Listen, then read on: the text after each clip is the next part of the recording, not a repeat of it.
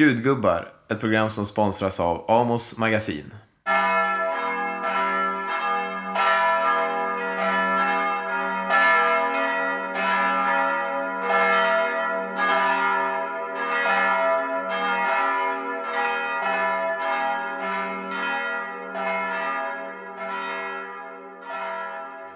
Hej! Välkomna till en ny episod av Gudgubbar. Programmet där jag, Andreas Ekström, Och Emanuel Karlsten. träffar ett antal personer som har lite mer erfarenhet än vi av livet, kyrkan, tron och sådana saker. Idag befinner vi oss söder om Göteborg, i Hovås, i en musikstudio som tillhör Ulf Kristiansson. Eh, hårdrocksmusiker, rockmusiker med en lång bakgrund inom den kristna musiken, både i Sverige och utomlands, med bandet Jerusalem framförallt. Välkommen Ulf! Tackar, tackar.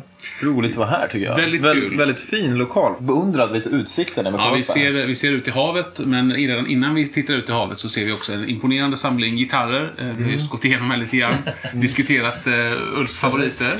Vi tänkte prata med naturligtvis musik och religion med Ulf som ändå har lagt ett helt yrkesliv på att vara musiker med kristna förtecken. Du har korset hängande runt halsen, som alltid. Ja.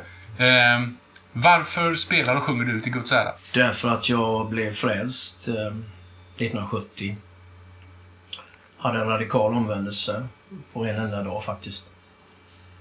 Och jag var rockmusiker även då. Och nu i den mån man kan säga rock. Det var ju mer pop kallades det för då mera. Men det var ju Small Faces och Yardbirds och allt det här som var då. Men eh, jag blev frälst den 1 november 1970. Och eh, mitt liv blev förvandlat. Sen efter det så la jag av ett tag faktiskt. Jag höll undan. Eh, jag, jag la ner nästan allt. Det var mycket av det gamla livet i det hela som jag ville komma ifrån. Jag var... Ja, jag hade jag inte blivit det så hade det väl varit något annat om jag ens hade levt idag faktiskt. Men ni kom ju in i en tid sen, eh, alltså hela bandet med... jag- Jag kan ju inte historien, jag tror att nästan du kan den bättre än mig Andreas här. Men, men eh, ni kom in i en tid där ni blev enormt stora, eh, Jerusalem eh, då, med, eh, med, med kristna texter och med kristen profil. Kan du berätta någonting om det? Jag hade ingen tanke på att vi skulle hitta på en grej så vi skulle bli kända eller något sånt alls. Utan det var, det var helt enkelt en väldigt ärlig resa vi började. Och som jag, jag startade ju alltihop detta. Och eh, jag tog eh, beslut att jag, jag ville göra detta för Jesus och det var det jag gjorde. Så när vi började spela de här, jag skrev alla de här texterna. Jag, jag skrev, hade ju aldrig skrivit en låt innan. Ja, jag hade skrivit en, en dansbandslåt alltså på för Flamingokvintetten en gång. När jag var liksom, ja, det var inte mycket hänga i granen, men det var det jag gjorde. Va? Men sen när jag blev eh, omvänd så började jag skriva texter och då var det ju väldigt mycket från det jag upplevde och det jag hade fått vara med om från början. Och sen så eh, växte ju det och jag hade, jag hade visioner. Hade jag. Jag, jag kommer ihåg att jag, jag satt eh, i, det var i Missionskyrkan i Sävedalen då tills vi var där och fick vara där ett tag tills vaktmästaren fick nog av oss kan man väl säga. Men det var så. Och då kommer jag ihåg att jag sa till, eh, till de andra killarna att vi kommer att spela över hela världen. Det sa jag. Och jag, jag var väldigt eh, övertygad om det.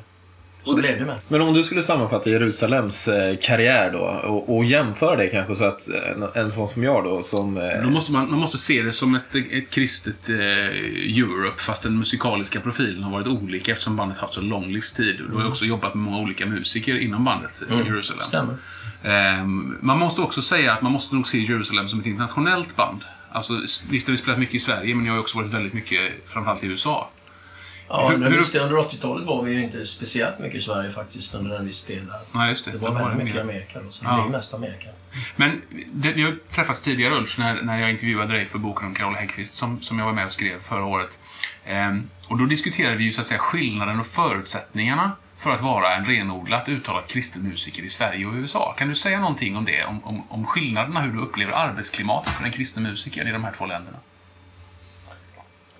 Ja, det kan man ju nästan... För, eh, om man eh, kollar på TV så kan man ju nästan eh, i, i det här valklimatet som är nu så kan man ju nästan föreställa sig vad det vill säga att vara kristen, alltså att vara frälst och omvänd och troende, vilket ord vi sätter på detta. Och bo i Sverige och bo i Amerika, det är en kolossal skillnad.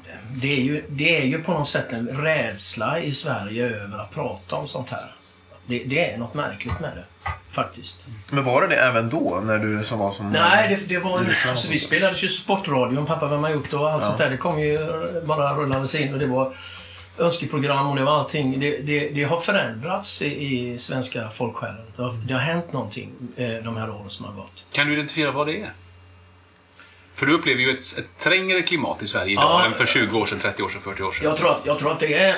Jag får säga att jag, det är många som skyller på detta, men det är faktiskt så att media har en fruktansvärd makt. Det är bara så. Och det är, om vi nu säger att... Och jag läste 80% av de som sitter i, i media är mer eller mindre vänstermänniskor. Så kan man ju säga att det, det finns en, en sorts inneboende eh, negativ attityd gentemot det här med att vara kristen. Och så, det finns ju säkert orsaker. Men, men var det inte så? Jag menar, vi har pratat om hur journalistiken såg ut sig på 70-talet. Jag menar, då var det ju Nej. ännu mer utpräglat Nej. vänsterfolk. Nej, ja. Vi kom, vi kom i samma veva som Motvind, Nationalteatern, Nynningen, Hoola Bandoola. Vi kom i samma veva, fast vi gick ju... Det, här i Göteborg var ju väldigt fest för allt detta. Det var ju liksom, vi gick ner på Mugg där så kunde man ju känna ibland liksom lite Och Mugg är grann- alltså en legendarisk musikaffär i Ja, Göteborg. just det. Ja. Musik utan gränser. Ja, Ja. med Bruce och allt det här som var där. Eh, så eh, fanns det, det, det kunde man ju känna att vi var liksom...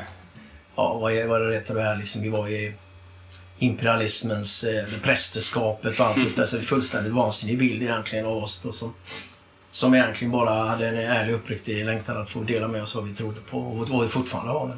Så att eh, den, det var ju, det, men det växte ju mer och mer och mycket av de här människorna som kom ur detta blev så här, satt ju sen på radio och TV och så här. Och släktingar. Alltså jag tror att det är ganska mycket sånt faktiskt i, i det hela. Man Du menar att det politiska styr så mycket? jag, jag tror inte att det finns en medvetenhet över det på det sättet. Jag tror att det har blivit så. Men att det styr också att man inte låter... Släpper fram kristna eller människor med religiös... Absolut. På grund av politiska färger? Vad, vad, hur, hur menar Ja, du att det tror är jag absolut att det är. Ja, det är det jag säger att jag... Om jag... Om jag nu, nu får jag gå in på andliga spörsmål här nu absolut. då. Om, om jag säger så här, om jag inte tror... Jag vill förändra.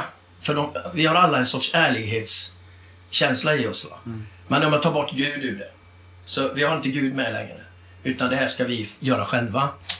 Då menar jag på, då hamnar vi i en sorts eh, en, en tomhet i att ha någonting att mäta oss med. Det finns liksom inget längre att mäta oss med utan vi, vi mäter oss med varandra. Vi mäter oss vad, ja vi kan göra det bara om vi inte skadar någon och så blir det ändå någon skadad och så frågar vi, ja men hur kunde det bli så? För att vi, ingen vill ju skada någon och vi har liksom mycket, och det kallar jag då för och många eh, människor med det här kallas för humanism. Det är alltså inte ateism i den verkligheten, utan humanism, där vi bygger allting på människan. Människan är måttstock för allting som sker. Vad som är rätt och fel, det är precis vad du tycker. Så om du tror på det så är det okej för dig, om du tror på det så är det okej.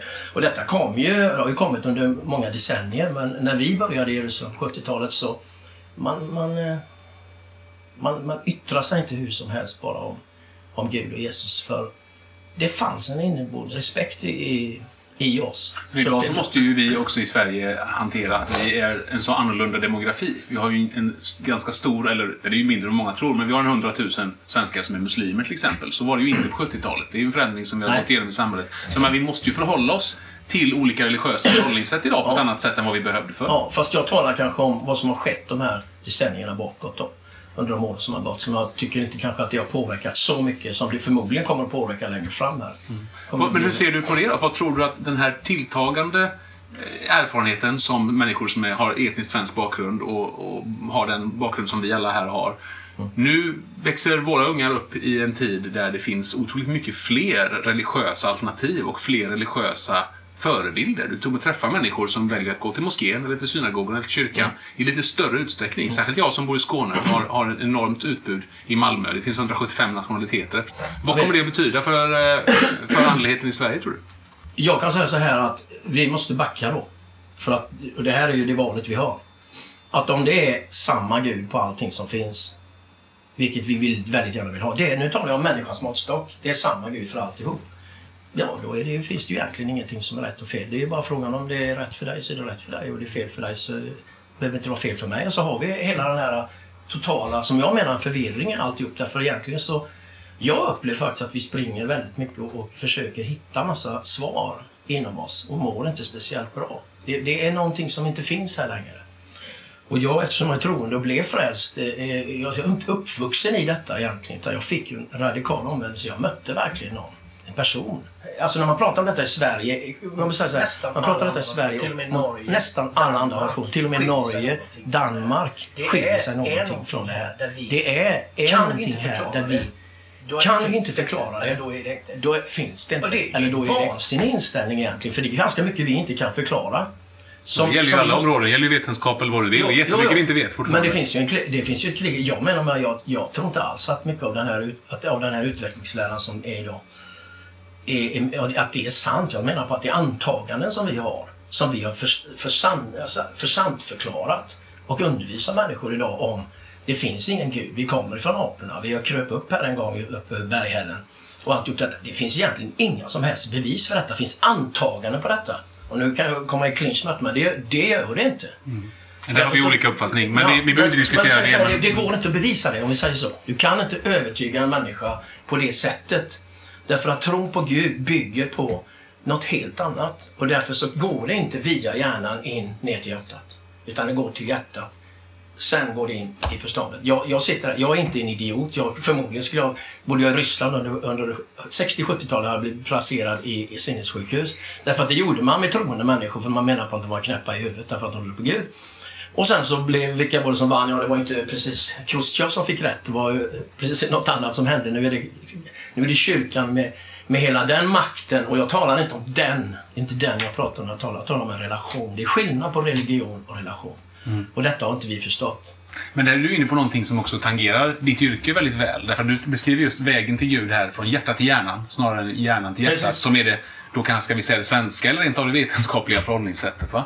Men då är ju musiken ett intressant redskap. Ett oerhört kraftfullt redskap för att skapa det, för att katalysera en känsla. Hur har du sett på ditt förkunnelseuppdrag?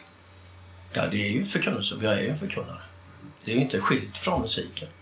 Det är inte det att jag spelar musik och jag hade ett kontrakt med ett eh, publishingbolag som är Chrysalis som, som sysslar inte alls med kristen musik eller någonting. Jag hade kontrakt att skriva låtar där. Men jag kände liksom, jag var väl där två, tre år att det är inte jag. Det här är inte vad jag vill. Jag försökte skriva liksom om ingenting ungefär. Det blir det för mig. Om ingenting. Och jag menar på att varför skriva om det som han har gjort när jag kan skriva om han som gjorde det? Och det för mig är det det väsentliga. Och det här, är, det här kommer jag att stå för tills den dag jag dör. Det kommer jag göra. Därför att det är så levande, så verkligt för mig varenda dag. Så, och jag skulle bara önska att vi fick tillbaks detta i Sverige. Men det är med sorg jag ser detta. Jag är inte arg, jag är inte förbannad om man säger så. Det kan jag vara på vissa grejer ändå, men om jag talar överlag så är det en reaktion på den sorg över hur mycket vi egentligen har förlorat i Sverige. Och vi ser det inte ens. Vad är det vi, vi ska tillbaks? Vi ska tillbaks till... Vi behöver tillbaks till Gud. Hitta honom igen. Och det finns en väg att gå. Men den är så... Den vill vi inte vi gå. Ber- Berätta om den då. Ja. Den vägen kommer vi i clinch med vårt intellekt. Därför vi är väldigt intellektuella. Bibeln står så här att grekerna åstundar visdom, judarna åstundar under och tecken. Därför är under och tecken i Sverige, jag tror inte i första hand är svaret för att få en människa att vända om. Utan jag tror att det måste komma ett resonemang, inte, inte ett intellektuellt resonemang. Det är inte jag talar om att dissekera saker och försöka få ihop det sen igen, utan jag talar om det är skillnad på visdom och kunskap. Och visdom är inte uppskattat på det sättet i Sverige som det borde varit. Och kunskap betyder mycket mer för oss. Men problemet är när vi bygger på kunskap, det står också i Bibeln så här, vad det är, jag tycker det är väldigt sant, jag tror de flesta människor faktiskt skulle hålla med. Kunskap uppblåser. Men visdom gör dig ödmjuk. Och vi saknar denna ödmjukhet. Det menar jag. Och det gör att vi hittar inte honom. Därför att han har inte ställt sig på en plats där han ska hittas på det sätt vi vill han ska hittas. Utan han har ställt sig på en plats där vi måste bli små. Och där jag måste bli ett barn. För att kunna få tag på honom. Och detta är ett stort problem för oss i Sverige. Och det där håller jag med om. Det tycker jag är intressant. Eh, men jag tror att man kan prata om det på olika sätt. I, mitt eh, huvud, eller i min värld, så, så handlar det om att Gud har blivit överflödig i ett samhälle där väldigt mycket har blivit eh, men där vi inte behöver Gud egentligen. Vi har väldigt lite, vi saknar väldigt lite i, i samhället. Och vi, vi Ja, det beror på inte vad ens- du pratar om. Om du pratar om materiellt så kan jag hålla med om Ja, det. trygghet pratar jag om. Alltså, vi, har, vi, vi ser till att... Håller och det är väl naturligt. Ja, men, och, Låt mig förklara lite hur jag tänker. Alltså, det är naturligt att, att människan försöker hitta olika system som räddar oss när vi hamnar i olika sätt. Och vi har ju ett välfärdssystem som ska se till att fånga upp folk i, i ett skyddsnät och så vidare. Men vi ser framförallt till att, som du pratar om materiellt, se till att skydda oss så att, så att vi får liksom mjuka, mjuka kuddar, skapa försäkringar åt alla håll vi ska.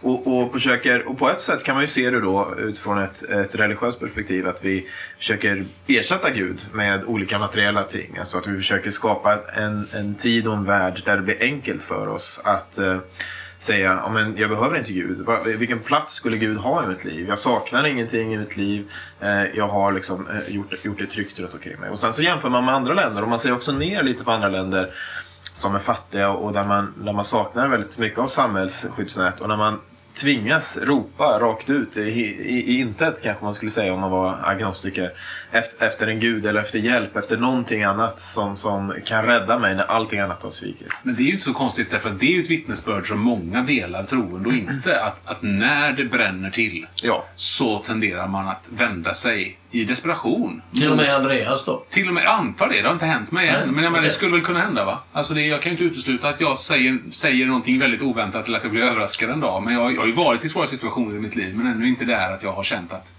nu är det läge att åkalla Gud på något sätt. Eller att jag har känt att det har varit vägen. Men jag tror att väldigt många människor har den här erfarenheten. och precis. Och, och det är väl det som vi har gjort, det, det samhället vi har skapat nu. Att vi, det, vi, det kan gå väldigt, väldigt långt innan vi ens skulle tänka på att det finns någonting utanför oss själva. Och där kan jag hålla, hålla med dig, att, att det finns en... Men vi, vi, det, det, det är en för stor fråga som finns Ja. som vi aldrig tar, som vi inte ens lägger manken till att få ta reda på. Nej, men precis. Om vi, Var, vi var, tycker var, vi kommer jag ifrån? Vart är jag på väg? Vad, menar, det, det, det är de här sakerna vi, vi någon gång måste ändå tänka. Vad finns bakom det här? Nästa vintergata, nästa vintergata. Alltså det här är ju... Det här är ju... Ja, vi kröp upp en gång. Det är ju väldigt fattigt, det resonemanget egentligen. Därför att någonstans... Någonstans i detta måste det ju finnas en mening med mitt liv. Som är mera än bara att jag ska hålla på och tjäna pengar, att jag ska få en familj, att det ska vara trevligt, tryggt och grilla på kvällar och allt vad det är. Det måste ju finnas något mer än det som ger mitt liv ett syfte som är större än mig själv. Och, och, Och jag bara säga Ja. det. Problemet är, vi har ingenting som är större än mig själv. Vi har tagit bort det. Därför så är det bara jag kvar. Undrar varför vi har gjort det då? Alltså vad, vad är det som har fört oss då i den riktningen egentligen? Om vi nu har gjort det. Vad, vad är det egentligen som har... Ja, jag självtillräcklighet. på alltså, ja. Självtillräcklighet? Ja, men det kanske är det som är förklaringen då. Men, jag, svarar på, jag har redan svarat på det. Jag har, redan, jag har ju egentligen redan sagt det. Därför att i oss, och jag vill säga detta då. Vi är inte goda innerst inne. Vi är korrupta innerst inne. Vi föds korrupta. Vi snor Anders bil i sandlådan det första vi gör. Vi måste lära oss att inte vara korrupta. Och då finns det regler och lagar som håller oss inom de här ramarna. Om vi släppte dem så skulle vi springa runt och göra vad som helst. Du kan ju se bara när det blir kaos i, i de här länderna, eller vilket tycker Sverige med. När det inte finns någon polis, när det inte finns, du kan ju bara springa in i affären och ta. Det ligger i oss, detta. ja, I den meningen är inte skapelsen riktigt perfekt kan man ju säga. Ja, Alltså, men för det, det, det, Vad jag vill säga det, det är... Det betyder att vi måste ha någonting som förändrar detta i hjärtegrunden. Och det är vad Jesus säger. Nu är jag medveten om att religion har gjort hur mycket som helst. Jag talar inte om religion, så ni förstår vad jag pratar Jag pratar inte om religion, jag pratar om relation. Men Jesus tog detta på sig. Och säger, om du inte blir född på nytt kan du aldrig se Guds rike. Och det är det villkoret han har. Och det gillar inte vi. För det betyder att jag måste säga nej till mitt jag och säga ja till honom. Det är så enkelt så det är löjligt detta. Bara för att det är enkelt kan vi inte ta emot det. Mm. Religion bygger på att det är svårt. Jag måste alltså be så här många gånger om, om, om dagen. Jag måste göra alla de här grejerna. Jag måste vända mig åt Jerusalem eller Mecka eller vad du vill. Jag måste göra alla dessa saker för att Gud kanske tycker om mig. Det är vad religion gör. Det betyder att jag menar på att det är ett slaveri. Det, det, det är en hopplös situation. Och det finns en viss tillfredsställelse i detta. Jag har gjort något bra, så nu känner jag mig god. Men det är inte det jag talar om och det är inte det Jesus talar om. Han säger så här, du måste kapitulera. Det, det finns ingen annan väg för det, för du är korrupt i botten. Och den korruptionen vi har i vårt hjärta kommer vi en gång, när vi dör, få stå till svars för. Om inte han får ta det på sig. Det är det enklaste av det enkla. Det är så enkelt så att vi vill inte ha det. Det har hänt någonting med oss. Du har ju också valt att, eh, du har ju tillhört olika församlingar, men visst är det så att du också har samlat folk själv omkring dig? Alltså du har inte bildat en församling, men du har haft en del, ska vi ändå kalla det egen teologisk verksamhet? Okej, det lät väldigt fint. Ja, men, men, men, berätta, men, verksamhet. men berätta lite. Hur ser din, hur ser din eh, kyrko, kyrkorelation ut idag? Ja, jag har varit med. Vi började ju Missionsförbundet. Och eh, jag, jag eh, har varit... Eh, jag är ju lite en rebell, så det har ju varit eh, hela mitt liv. Och det brukar de heta, Johannes döparen brukar heta det. Så då, jag hoppas att jag är i gott sällskap där. Precis. Men eh, jag... jag eh, Jerusalem var ju... Jag sa ju vad jag tyckte. Men det fanns en hel generation som lyssnade på det. Mm. Som inte de andra fattade. Under en tid var du ju med i Livets Ord som du sen lämnade. Nej, det var inte. Det var kom sen. Efteråt. Ja, det är på 80-talet. då. Ja, alltså Jerusalem kom ju... Alltså jag hade ju levt ett liv innan Livets. Mm. Det brukar jag säga när jag var där också. Ja. Men, men eh, det var ju egentligen den stora fighten. Det var ju den när, när kyrkan eh, förföljde oss kan man väl säga. Men berätta mer om det. Ja, det är så svårt att berätta om det för att, eh, vet du vad? Det var inget jag tänkte på. Det är det som är så underligt. Och jag har tänkt på det, det är ett mysterium det där.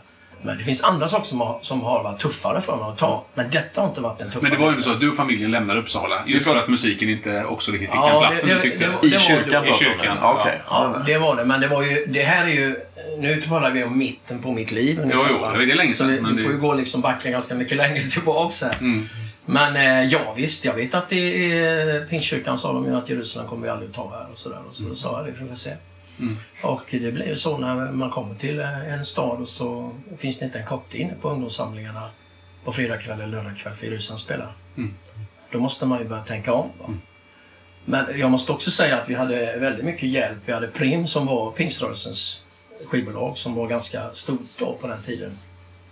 Var ju oerhört supportiva och såg oss hur vi var. Va? Såg våra ärlighet och våra hjärtan. Va? Och det upplevde jag, det ska de ha en eloge för, för de tog mycket fight. Alltså. De fick ju mycket, du vet, sparka ut de där gubbarna för de vill vi inte ha här. Va? Men de stod fast där och det, det tror jag de, eller det gjorde de uppenbarligen rätt. Och, men, så det, Känner du dig som kristen musiker välkommen på de kristna scenerna i Sverige nu? Ja, alltså... Ja, det kan jag inte säga att jag inte känner. Vad beror det på den vändningen, tror du? Nej, men det blir ju det. Det är ju så med allting. Om du, om du gör någonting du tror på, och jag menar på att det vi tror på är rätt, så uh, vinner du till slut. Då blir ju den, det blir ju det blir bruten mark om man säger så. Där de brutit upp den marken som andra sen går in i. Så att vi tog smällen om man säger så. Sen finns det en uppsjö av, av unga musiker idag som går i det här. Och sen eh, förhoppningsvis så kommer det någon som bryter ny mark igen va, och gör något nytt. Då. Men om man pratar om, pratar om kyrkan då, men om vi pratar igen om kanske media då, som, du, som ändå var väldigt vänligt inställda, uppenbarligen då, i jämförelse i alla fall med kyrkan. Ja, alltså det fanns ju både och då, men man kan ju Ja. säga så här. Jag kan säga så här bara att när vi, vi eh, tar det med kultur då till exempel. Vi sökte kulturbidrag. Det var ju närmast patetiskt när eh, Motvind fick 800 000, Nationalteatern en miljon någonting och Jerusalem. Och det fanns absolut ingen skillnad på det om vi tittade på hur det såg ut. Va? Med hur mycket vi la ner i tid eller om vi uppfa, uppfyllde de här regelverket som fanns för att få kulturbidrag. Vi fick aldrig en krona. Och, nej, okej. Okay. Ja, det var ju, vi klarade oss bra ändå. Vi hade ju Gud och vi har fortfarande honom. Och det menar jag. va. Så det, vi har aldrig, vi har klarat oss igenom alla konkurser och allting som finns. Vi har, vi har aldrig haft det. Men, men om vi, jag, jag vill av den här Ja. jämförelsen på samma sätt som vi Ja. pratar om, om pingstkyrkan eller vilken kyrka vi än pratar om som då eh, var väldigt skeptiska, inte ville släppa in er i kyrkan men idag eh, välkomnar er. Och om det var något liknande för musikscenen, att man var, då, då var man väldigt intresserad av Jerusalem men idag, vi behöver inte prata om Jerusalem utan kan prata om annan musik med med, med, kristen, med kristet innehåll man ska säga i Sverige. Är, kan man se ett, ett motsatsförhållande där? Att då var det välkommet, idag är det inte välkommet. Och varför är det Därför så? att musiken är annorlunda, menar du det du menar? Nej, jag undrar om, vad anledningen kan vara. Är det så att musiken är annorlunda? Är det det det handlar om, att musiken är sämre idag? Det är därför Kanske finns färre kristna svenska artister, eller? Kan det vara så? Är det, ja, skulle Talar du- Jerusalem eh, kunna slå idag? Ja, slå, vad menar du med slå då? Spelas i, menar P- alltså spelas i Idol, eller P3, menar du spelas i den grejen? P3 liksom. Ja, jag vill säga så här att det finns ett värde i det som, som jag menar är, är över alla dessa år. Och även en musikalisk kvalitet som är, som är stor. Men Det kommer, man men kommer ett nytt men, band Men med- om de gör det några- eller det vet inte jag. Nej, men sen det kommer några är inte min- 20-åriga grabbar liksom, som, som gör vad ni gjorde. Spelar, spelar hårdrock anno 2012 och Mm. kommer ut med den och säger det är ett kristet band som gör detta. Nej, det räcker inte. Det kommer inte räcka. Du, du, då, då, då är inte samma som Jerusalem. Nej. Det går inte så att vi är ett kristet band och gör detta. Och sen sjunger jag liksom inte något om det jag tror på. Det är inte det som är skillnaden. Det är ju det det har blivit väldigt mycket. Jag säger inte att alla gör det, men så att det blir väldigt mycket, väldigt mycket. Det tror jag är som att, det, om man brukar säga så här, det är som att slåss med både Gud och djävulen. Vadå? Förklara en gång till. Vad är det som är... Därför att du blir inte insläppt där. Och du blir inte insläppt där. Så det spelar ingen roll. Det är ju bättre då, om, min- om jag nu tror på det jag säger, att jag står för min tro. Sen skiter jag väl om, om, om den de tycker om mig eller inte, eller om det är den är det. Alltså jag står ju inte ansvarig inför media i Sverige, vad jag gör med mitt liv. Det är ju, jag står inför Gud med mitt liv. Det är ju där jag ska göra räkenskap. Om jag har gjort det han sa till mig, det är det som är värdefullt för mig. Inte vad media applåderar i, för de ändrar ju sig hela tiden. Det är, det, det, vinden blåser, där skriver jag. Det är ju Vi helt diskuterat, sjukt. vi har diskuterat det här tidigare i program att det finns en, och det är också en, en viktig delförklaring till varför vi gör den här lilla eh, poddradioserien. Vi, vi saknar ett samtal om religion. Ja, ja, alltså, jag, så man, jag, jag, jag, jag kan ju inte säga så här. Jag, får ju, jag tänker ju tanken, det måste du ju fatta. Jag tänker ju tanken. Vad är det de vill? Den tanken tänker jag. För det har varit för mycket av det. Mm. Det här att man kommer, alltså man är ju rent ut falsk. Va? Kommer och ger sken av att man är intresserad av något som man inte alls är intresserad av egentligen. Mm. Utan man är bara intresserad av att misskreditera. Inte ens intresserad av någonting som är positivt. Mm. Det gör ju till slut att det förtroendet bryts ju ner. Det finns ju ingen vettig kristen människa som sätter sig i en intervju med, med Agenda eller vad de nu heter. Alla de här. Jag skulle inte göra det. Jag, är intresserad, det. jag är intresserad av att veta vad är det som har hänt under den här tiden. Kan du sätta fingret på det? För att du, du har ju ändå eh, kommit igenom, eller brutit igenom allt det här en gång i tiden och erövrat världen på många sätt med, med din musik och så. Och- Och jag är fortfarande intresserad av den liknelsen. Vad är, vad är det som gör att man inte skulle kunna göra det idag? Eller är det så att man fortfarande skulle kunna göra det idag? Vi, vi kan ju ta en annan, du som Andreas som har skrivit om Carola. Eh, Skulle hon kunna gå igenom med samma kristna profil idag som hon gjorde på 80-90-talet? Nej, det, det, tror ju, det tror ju inte varken jag eller Johanna som skrev boken. Alltså, det var speciellt på den tiden och, och det, det, var, det fanns en annan... Det fanns en väldigt speciell plats för svensk frikyrklighet under 80-talet. Det passade väldigt bra in i hur historien skrevs just då. Det var en väldigt naturlig motrörelse mot 70-talets politiska klimat. Precis. Att det kom på 80-talet. Det var väldigt, väldigt logiskt och naturligt. Och det pendlar alltid. Det gör ju allting i samhället som vi har pratat om idag på olika sätt. Så det var väldigt nat- hon kom, när Carola kom 1983 så var det fullständigt perfekt timing för en tjej med hennes tro och den kombinationen av allt som hon hade. Det är ju förklaringen till varför genombrottet blev så sensationellt. Ehm, och det, en blåkopia på det kan man aldrig göra va? Men nu ställer en fråga. Ja. Så, så har jag egentligen varit inne på det också redan då. Jag tror att det finns en rädsla i Sverige. En fruktan över att vara annorlunda. Jag tror att vi pratar väldigt, väldigt mycket idag om att vi är annorlunda. Att vi är de vi ska vara du är själv, du ska hitta dig själv allt detta. Jag tror att vi hittat oss själv ännu mindre idag än vi någonsin tidigare gjort. Jag tror att vi, vi har en, en, fasad som vi inte ser av detta. Och jag menar på att det finns, det finns tabun helt enkelt av att gestalta, ta, ta upp det här med, med Jesus på korset och att han dog för våra synder. Det finns, det, det, det, man säger så att det, det som Jeremia, han fick gå och predika något folk inte ville höra. Jag brukar säga det, vi, vi, vi, är, vi är egentligen på ett sätt en omöjlig situation. Därför att predika någonting, människor vill inte höra det. Varför, varför vill man inte höra det? Jag, jag ska inte säga att inte folk vill höra det för att jag, jag vet att folk vill höra det och jag har bevis på det, men jag erfar det. Va? Men det är ändå så att det finns en sorts ett skal du måste komma igenom av rädsla. Att, att, få, att få... Vem måste komma igenom det här då? Är det de som sitter med, på P3 till exempel och beslutar vilka som ska finnas på... Jag tror aldrig de kommer att komma igenom det. Men det blir väl förkunnarnas uppdrag Precis. i så fall? Va? Det, blir, Precis. det blir musikens Det min uppdrag, upp- det blir min prästens upp- det är mitt uppgift, det blir uppdrag att göra det. uppgift. Men den här fruktan då, fanns den inte när du slog Nej, igenom? nej, inte på det sättet. Nu vi snackar om 40 år tillbaks. Jag säger inte att den inte fanns. Nej. För det, det har alltid funnits en rädsla i oss. Detta att komma nära Gud. Därför att komma nära Gud, det betyder att jag måste förändra någonting i mitt liv. Det är det, det gör det. Det Ja, är måste släppa, släppa kontrollen och vi älskar Ja. att ha kontroll på saker. Och därför så blir det ett hot för mig. Jag, jag, jag vågar inte detta. Och då kan det bli så att jag blir så desperat så jag säger nu släpper jag den kontrollen för jag klarar inte detta mer. Det är ju det. Då blir du, då kommer du, då öppnar sig någonting och, säger, och då möter du honom där.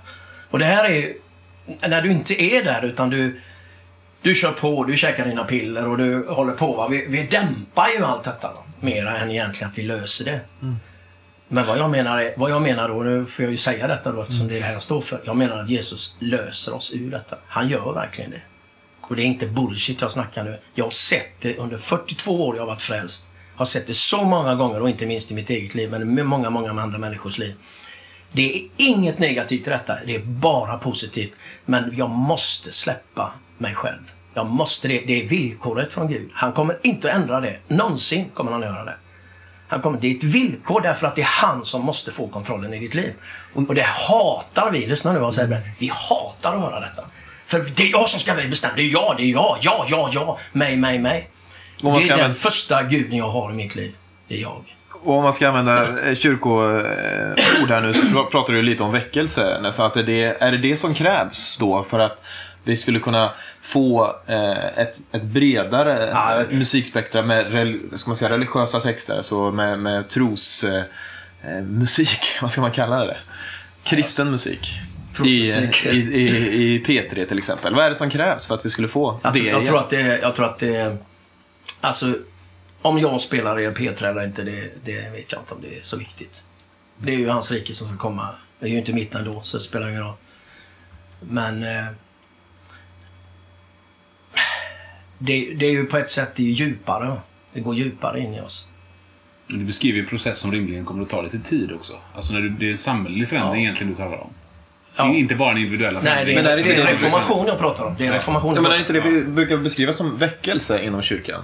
Ja, nej. Men Ja, att väckelse ja. är också en snabbare och en, kanske också en personligare process. Det vill säga, jag kan ju gå ner för, ut för trappan här nu och, och bli frälst. Det skulle ju kunna hända. Sådana händelser finns, fall finns beskrivna. Va?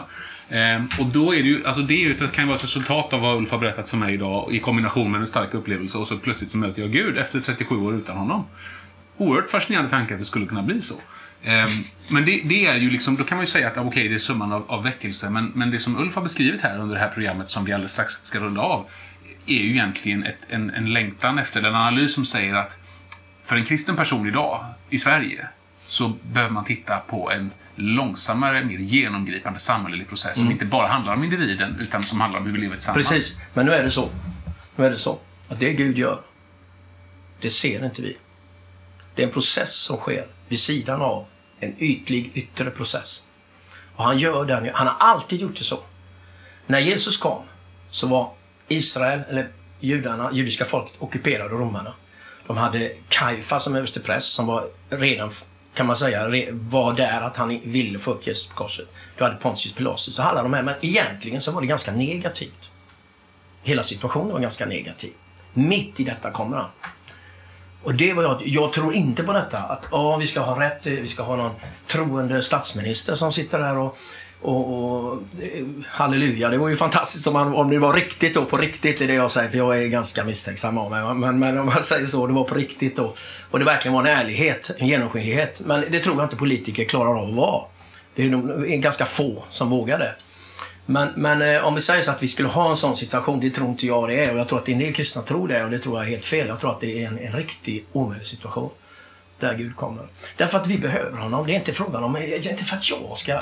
Åh vad roligt det ska bli för att svensken blir frälst. Men det är inte för att jag ska bli det. är för, för din och min skull. Det är för oss. Det är inte för... Om vi bara fattar det här. Om vi bara kunde någon gång stoppa upp i hela det här ekorrhjulet. En endaste gång och lyssna. En endaste gång, bara om, om de som hör det här programmet någon gång kunde stoppa upp. Bara en endaste gång och lyssna för en gångs skull. Och kanske ta det här tillfället. Som jag Eh, fortfarande har kvar. Det är fina slutord från Ulf Kristiansson, musiker, eh, som vi har träffat idag i detta program. Det har möjliggjorts av kamraterna på Amos som sponsrar oss. Amos magasin och vi ska också tacka Aper som hjälper oss. Och... Och Appear ljudstudion som ni kan hitta på appear.se. Tack så mycket för att ni lyssnade. Vi är snart tillbaka med en ny gäst och ett nytt program i eh, ett litet projekt som vi har valt att kalla Gudgubbar. och tack så mycket Uffe Kristiansson.